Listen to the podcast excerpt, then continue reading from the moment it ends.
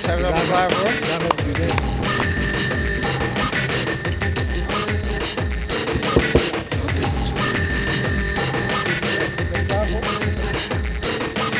Is dit de lieren? Jongens, moet je wel bij zeggen. Dank u, dank u, dank u. Dank jullie wel, dank jullie wel. Blij dat jullie de moeite hebben genomen hier in de zaal in Music Youth Amsterdam. Om door de sneeuw hier naartoe te komen voor deze top names on stage. Thuisblijvers, jullie hebben weer ongelijk. Maar ook voor jullie maken we hopelijk een leuke uitzending het komende uur. Ehm, voor wie live kijkt is dat, voor wie on demand kijkt, die ziet het straks in drie stukjes terug. De eerste gast is eh, Michiel Frakkers. Eh, Michiel, als ik eh, jou Google, als ik jouw LinkedIn erbij pak, dan is het een lange lijst, dus ik moet die er even bij pakken. Ooit begon je media te maken bij Veronica. Je was verantwoordelijk voor Planet Internet. Je ging in de hoogtijdagen van de internetbubbel kopje onder met Bitmagic. Eh, speelde een rol bij eh 9 to 5. Co-founder van Skylines en ook ben je nog eens een keertje investeerder. Op feestjes en partijen, als mensen aan jou vragen, wat doe je? Wat zeg je dan? Ik haal het drinken. In, dat- in al die gevallen is dat wat je deed? Ik, ik ben volgens mij wel een dienend, eh, dienend ambtenaar, ja. Ehm, nou, dat denk ik. ik. Als mensen vragen wat ik doe, zeg ik, ik zit in de internetwereld. Net hetzelfde al, al 20 jaar zeg ik dat. En Ja. vroeger zei ik, ik zit in de tv-wereld. Eh. ik wijs op Roeland omdat wij samen gestudeerd hebben eh, in de 19e eeuw. En, ehm, en toen zei ik dat tegen medestudenten. En toen werkte ik Ja. bij het verfoeide Veronica. Ja, dat En viel niet goed in die tijd, hè? Viel niet goed. Ik deed windsurfen en snowboarden. Sporten met fluorkleuren. Nou, dat viel ook niet goed. En ehm, ik reisde nog wel eens, kwam eens bruin terug. Nou, maar het is natuurlijk wel een serieuze vraag van Erwin. Dan zeg je, ja, ik, ik doe iets met internet, zeg je waarschijnlijk. Maar de mensen willen tegenwoordig wel weten wat je dan doet. Nou, weet je, wat 20 vertel jaar geleden toen ik begon, ik doe dit nu 20 jaar. Toen zei ik dat ik internet zat, snapte niemand het. Dus zei ik maar gewoon, ik zit in de telecom. Want dan dachten mensen tenminste dat je nog een vaste baan had, maakte je oma zich niet zo druk. Vervolgens werd iedereen heel rijk met internet.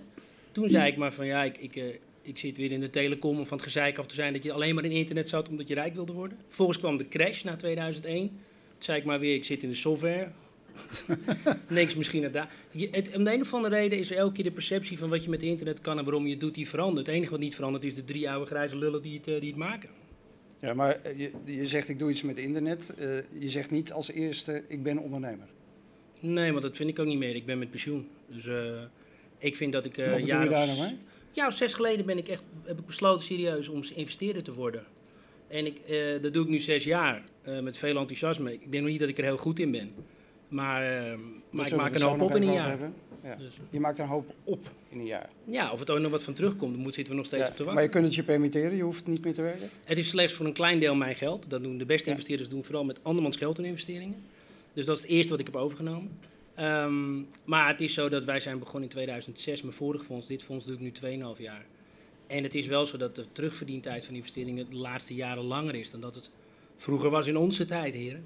Mhm. Toen Dus, ging het binnen drie tot vijf jaar. Nu is het wel window van vijf tot tien jaar waar je naar kijkt. Hoe komt dat? Ik zou willen zeggen de crisis, maar ik denk gewoon dat de markt is ontwikkeld. Dus ik denk gewoon dat de, de echte gekte, dat die wel weg is. Er worden geen klote bedrijven meer verkocht voor een miljard of voor een miljoen. Vroeger zag je hè, voor een miljard dingen verkocht worden voor een miljard. Instagram, eh, Instagram is, daar kunnen we eeuwig over discussiëren, maar heel eh, kort. Facebook. Nee, voor eh, Facebook is het wegkopen van een potentiële concurrent. Foto's is het belangrijkste product van Facebook. De belangrijkste fotodienst werd, konden we met Skylines meten, werd Instagram, heel snel. Dus het is niet gek om een concurrent weg te kopen voor minder dan 1% van wat je waard bent. Heb je een hoop minder hoofdpijn voor 1%. Maar als mensen met pensioen zijn, daar bedoelen ze mee van, het maakt eigenlijk allemaal niet zoveel meer uit. Ga leuke, ga leuke dingen doen. Jij bent met, dus met andermans geld eh, investeringen aan doen. Voornamelijk, Eh, ja. ja, daar lijkt mij dat daar wel druk bij hoort. Jawel, maar dat, dat was niet, de druk is nu niet anders dan toen ik in 1992 KPN, Wegener en eh, de firma Quote, wat was er nog meer, Telegraaf. Dat is ook niet echt met Maurice de Hond, Joop Munsterman en de familie Zwartjes ook niet echt kermis hoor, elke drie maanden als je je verliezen moet publiceren. Dus de druk vind ik nu minder dan toen. De druk is nu anders omdat ik werk alleen maar met vrienden. Dus ik heb alleen maar als aanhouders mensen die ik ongeveer een jaar of tien minimaal ken. En waardoor het ik, ik neem het wel serieus, weet je, maar dat deed ik toen ook. Dus ik doe mijn werk, neem ik serieus, alles eromheen, dat valt wel mee. Ja, ik wil toch nog even doorgaan op wat je net zei. Want toen, toen ik binnenkwam en je begroette en ik zei, hoe, hoe gaat het? Zei het gaat goed, alleen met de start-ups niet.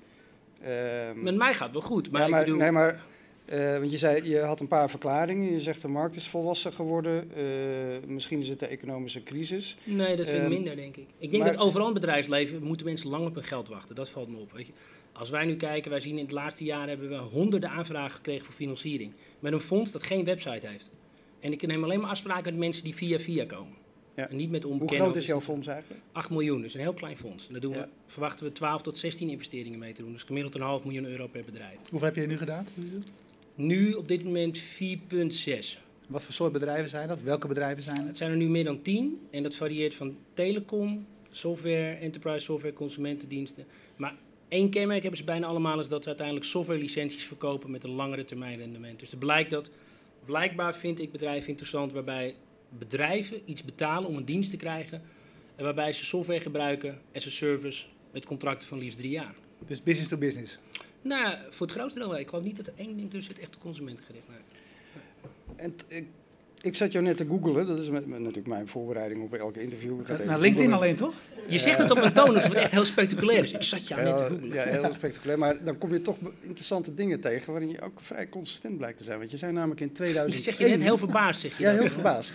Nee, in 2001 zei jij namelijk ook al dat eigenlijk investeren in start-ups in Nederland er eh, heel slecht eh, weer uitkomt. Dat het wel eens heel lang ging duren. Dat Ja. zei je toen ook al. Toen zei je van ja, en toen had je een redenering van ja, een investeerder die zegt ja, een van de tien investeringen die komt eruit. Ik wil Ja. 20% rendement per jaar en Ja. de, de helft mislukt. En als je het allemaal eens bij elkaar op gaat tellen, is het eigenlijk een vrij kansloze bezigheid. Ja, je moet heel goed tegen je verlies kunnen. Dus je moet ervan uitgaan dat je zeven van de tien dingen misschien wel mislukken.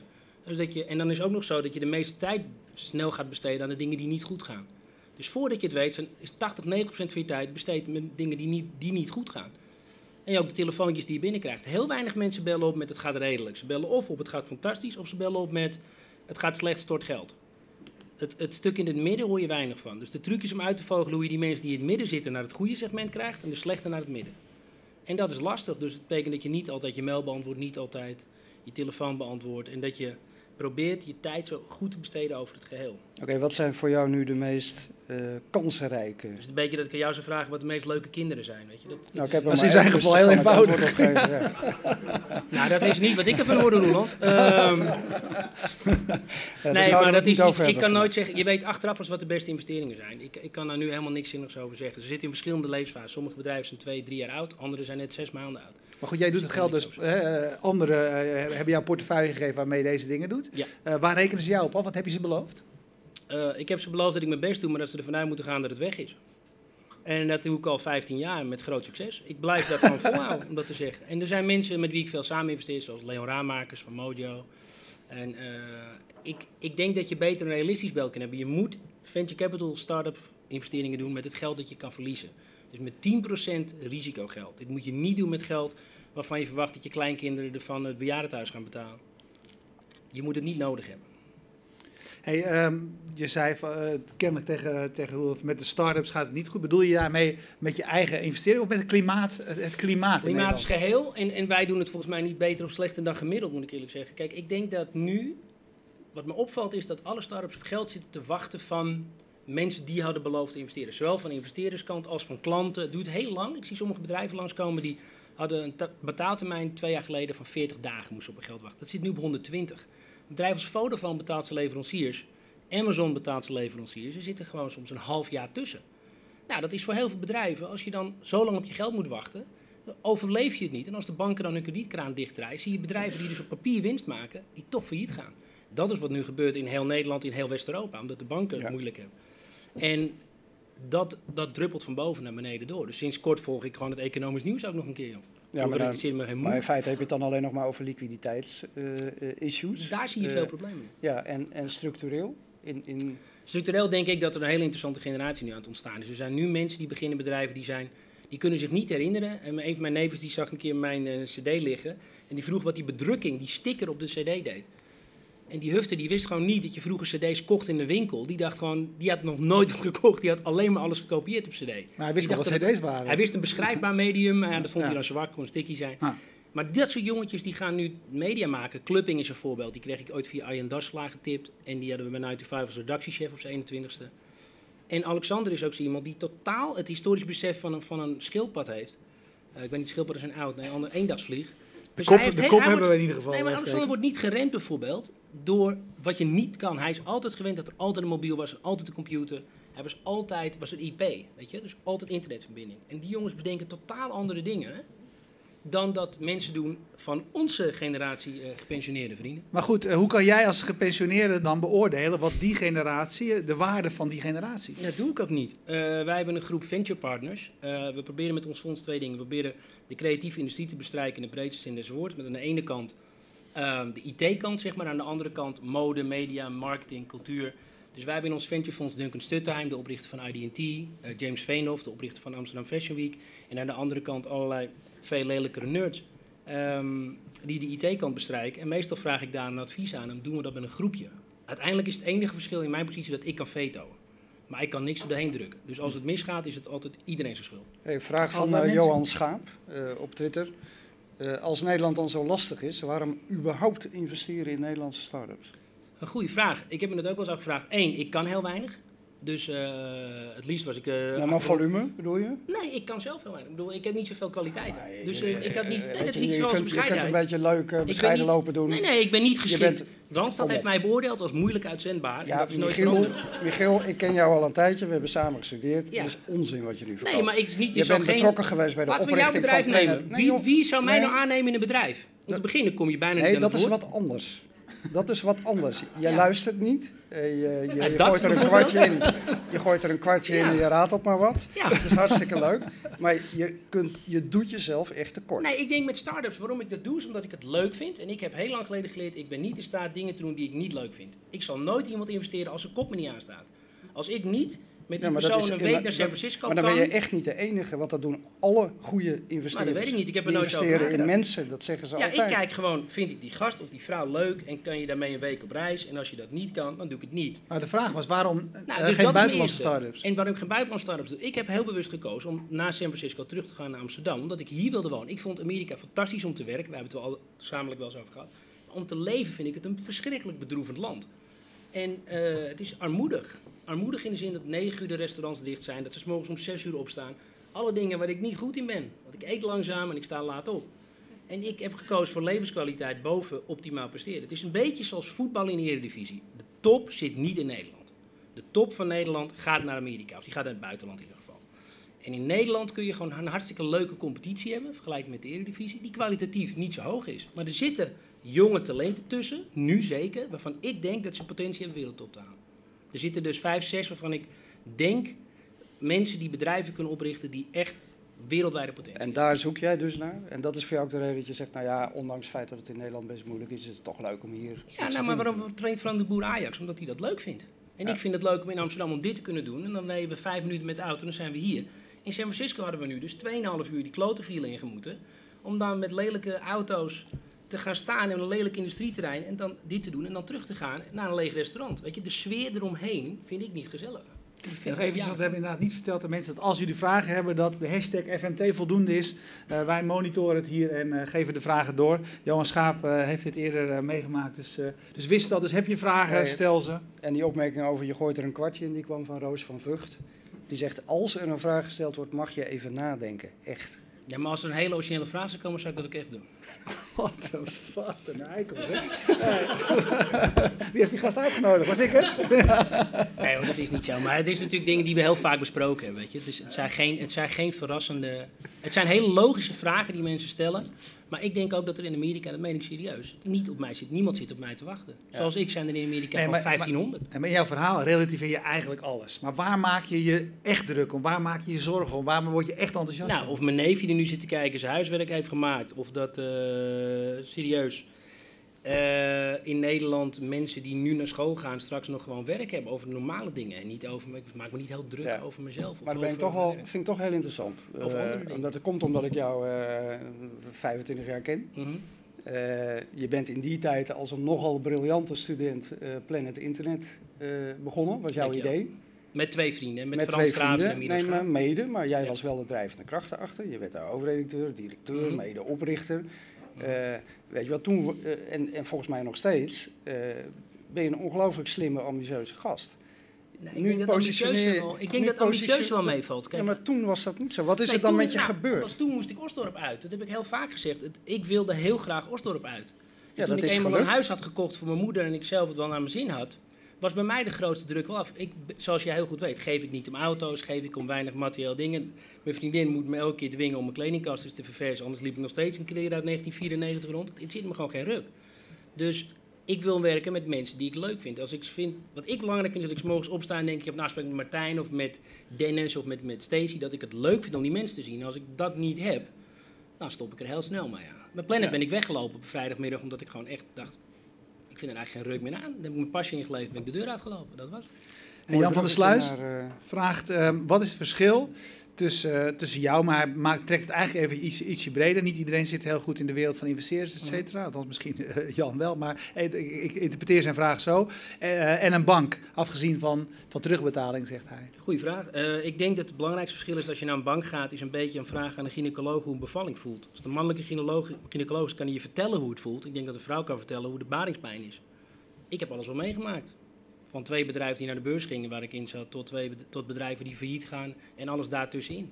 Dus ik denk de ervaringsdeskundigheid. Zelf ben je ook persoonlijk failliet geweest? Nee, persoonlijk niet, maar wel zakelijk. Ik vond of ik nou privé failliet ging of wat met Bit- Bit- Bitmagic gebeurde, vond ik, kan me toen herinneren, vond ik wel het absolute dieppunt. Vooral die weg Ja. nou- die twee jaar daar naartoe, dat je al weet dat het niet goed gaat. Maar dat investeerders, Roel Pieper, Eckhart Winsen, door steeds, en Maurice, in geloven om daar geld in te blijven stoppen, terwijl je zelf zegt, ik wil stoppen. Dat, die, dat is verschrikkelijk. Ja, want even voor wie, eh, wie, er, wie er toen niet bij was, voor je neefje zeg maar. Eh, Bitmagic was een bedrijf wat eind, eh, Jaren 90. eind jaren 90 een soort dagelijkse filmpje, game, et cetera, bij mensen thuis afleverde. Zeg Ja. maar. dat, was het, dat was het idee.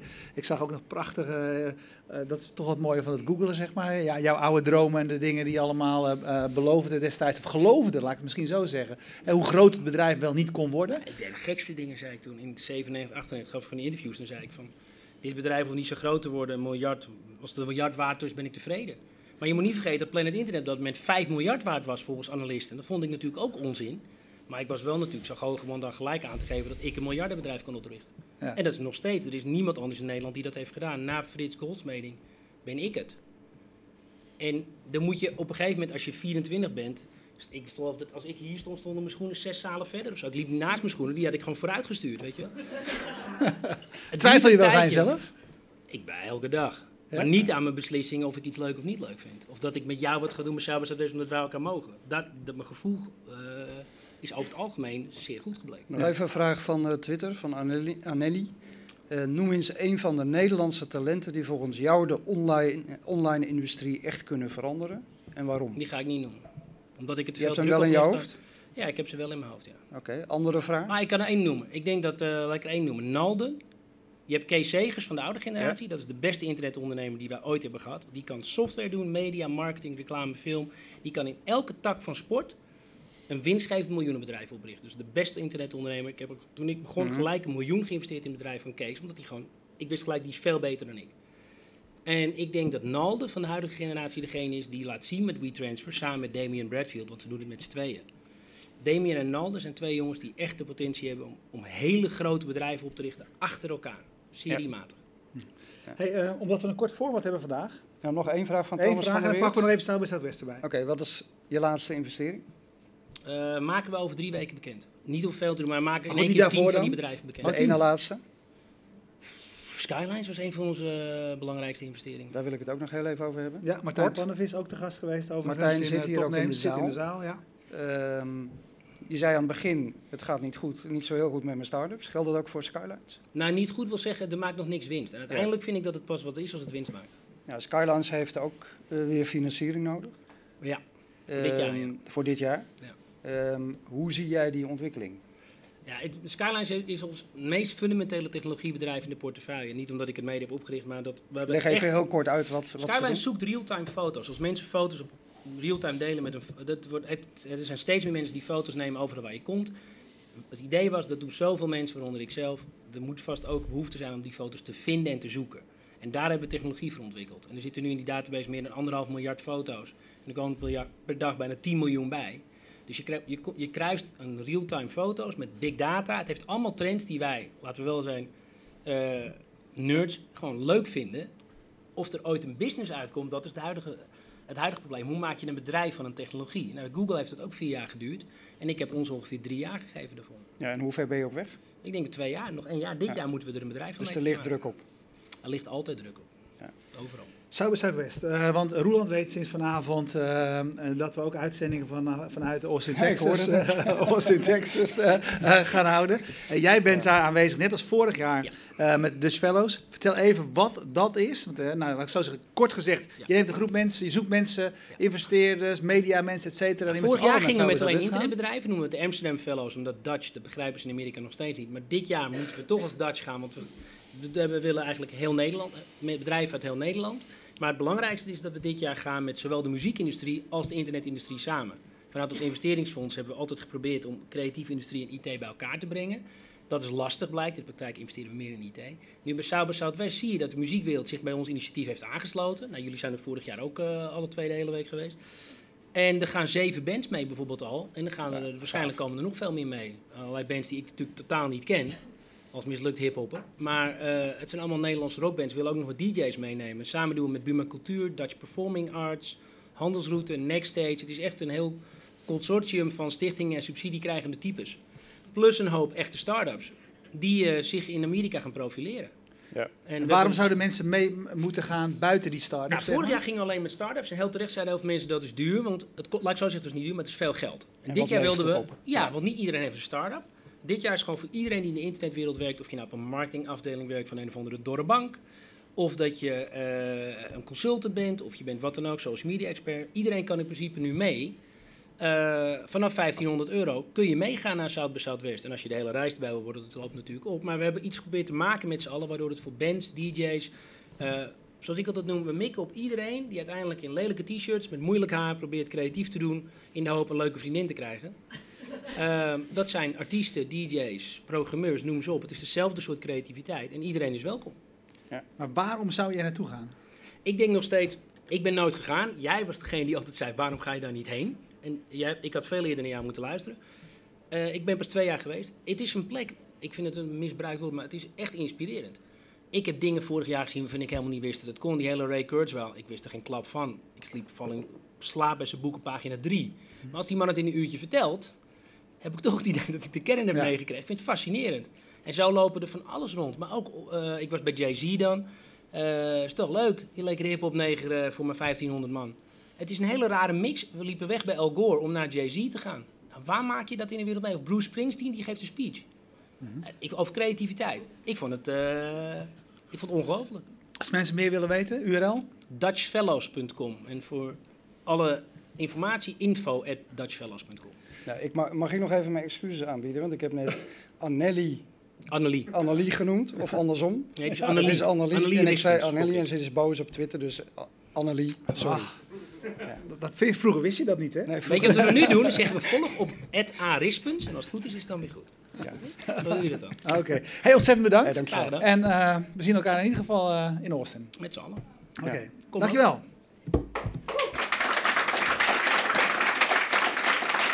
Sluit even af? Oh ja, natuurlijk. Ik sluit even af en daarna slaat Peter pas de eindtune. Hè? Ja, goed. Ja, want eh, daarom wordt het allemaal gemonteerd zo. En, eh, jij loopt gewoon weg, dat is goed. Hey, eh, bedankt voor het kijken naar deze uitzending eh, van eh Topnames. Als je on demand kijkt, je weet op eh, fastmovingtargets.nl en eh, via ons YouTube kanaal kun je inmiddels een stuk of eh, nou, 130 eh, ja, mooie interviews eh, terugzien. En voor wie er nu live kijkt, we gaan zo direct weer verder. Dankjewel en eh, dank Streamzilla Peter voor de, voor de, mijn fout hoor. Ik, je had helemaal gelijk. Je kon helemaal aanvoelen dat er nu zo'n puntje kwam waar je in moest starten. Maar ik wou Streamzilla ook nog even bedanken voor de stream. Nu!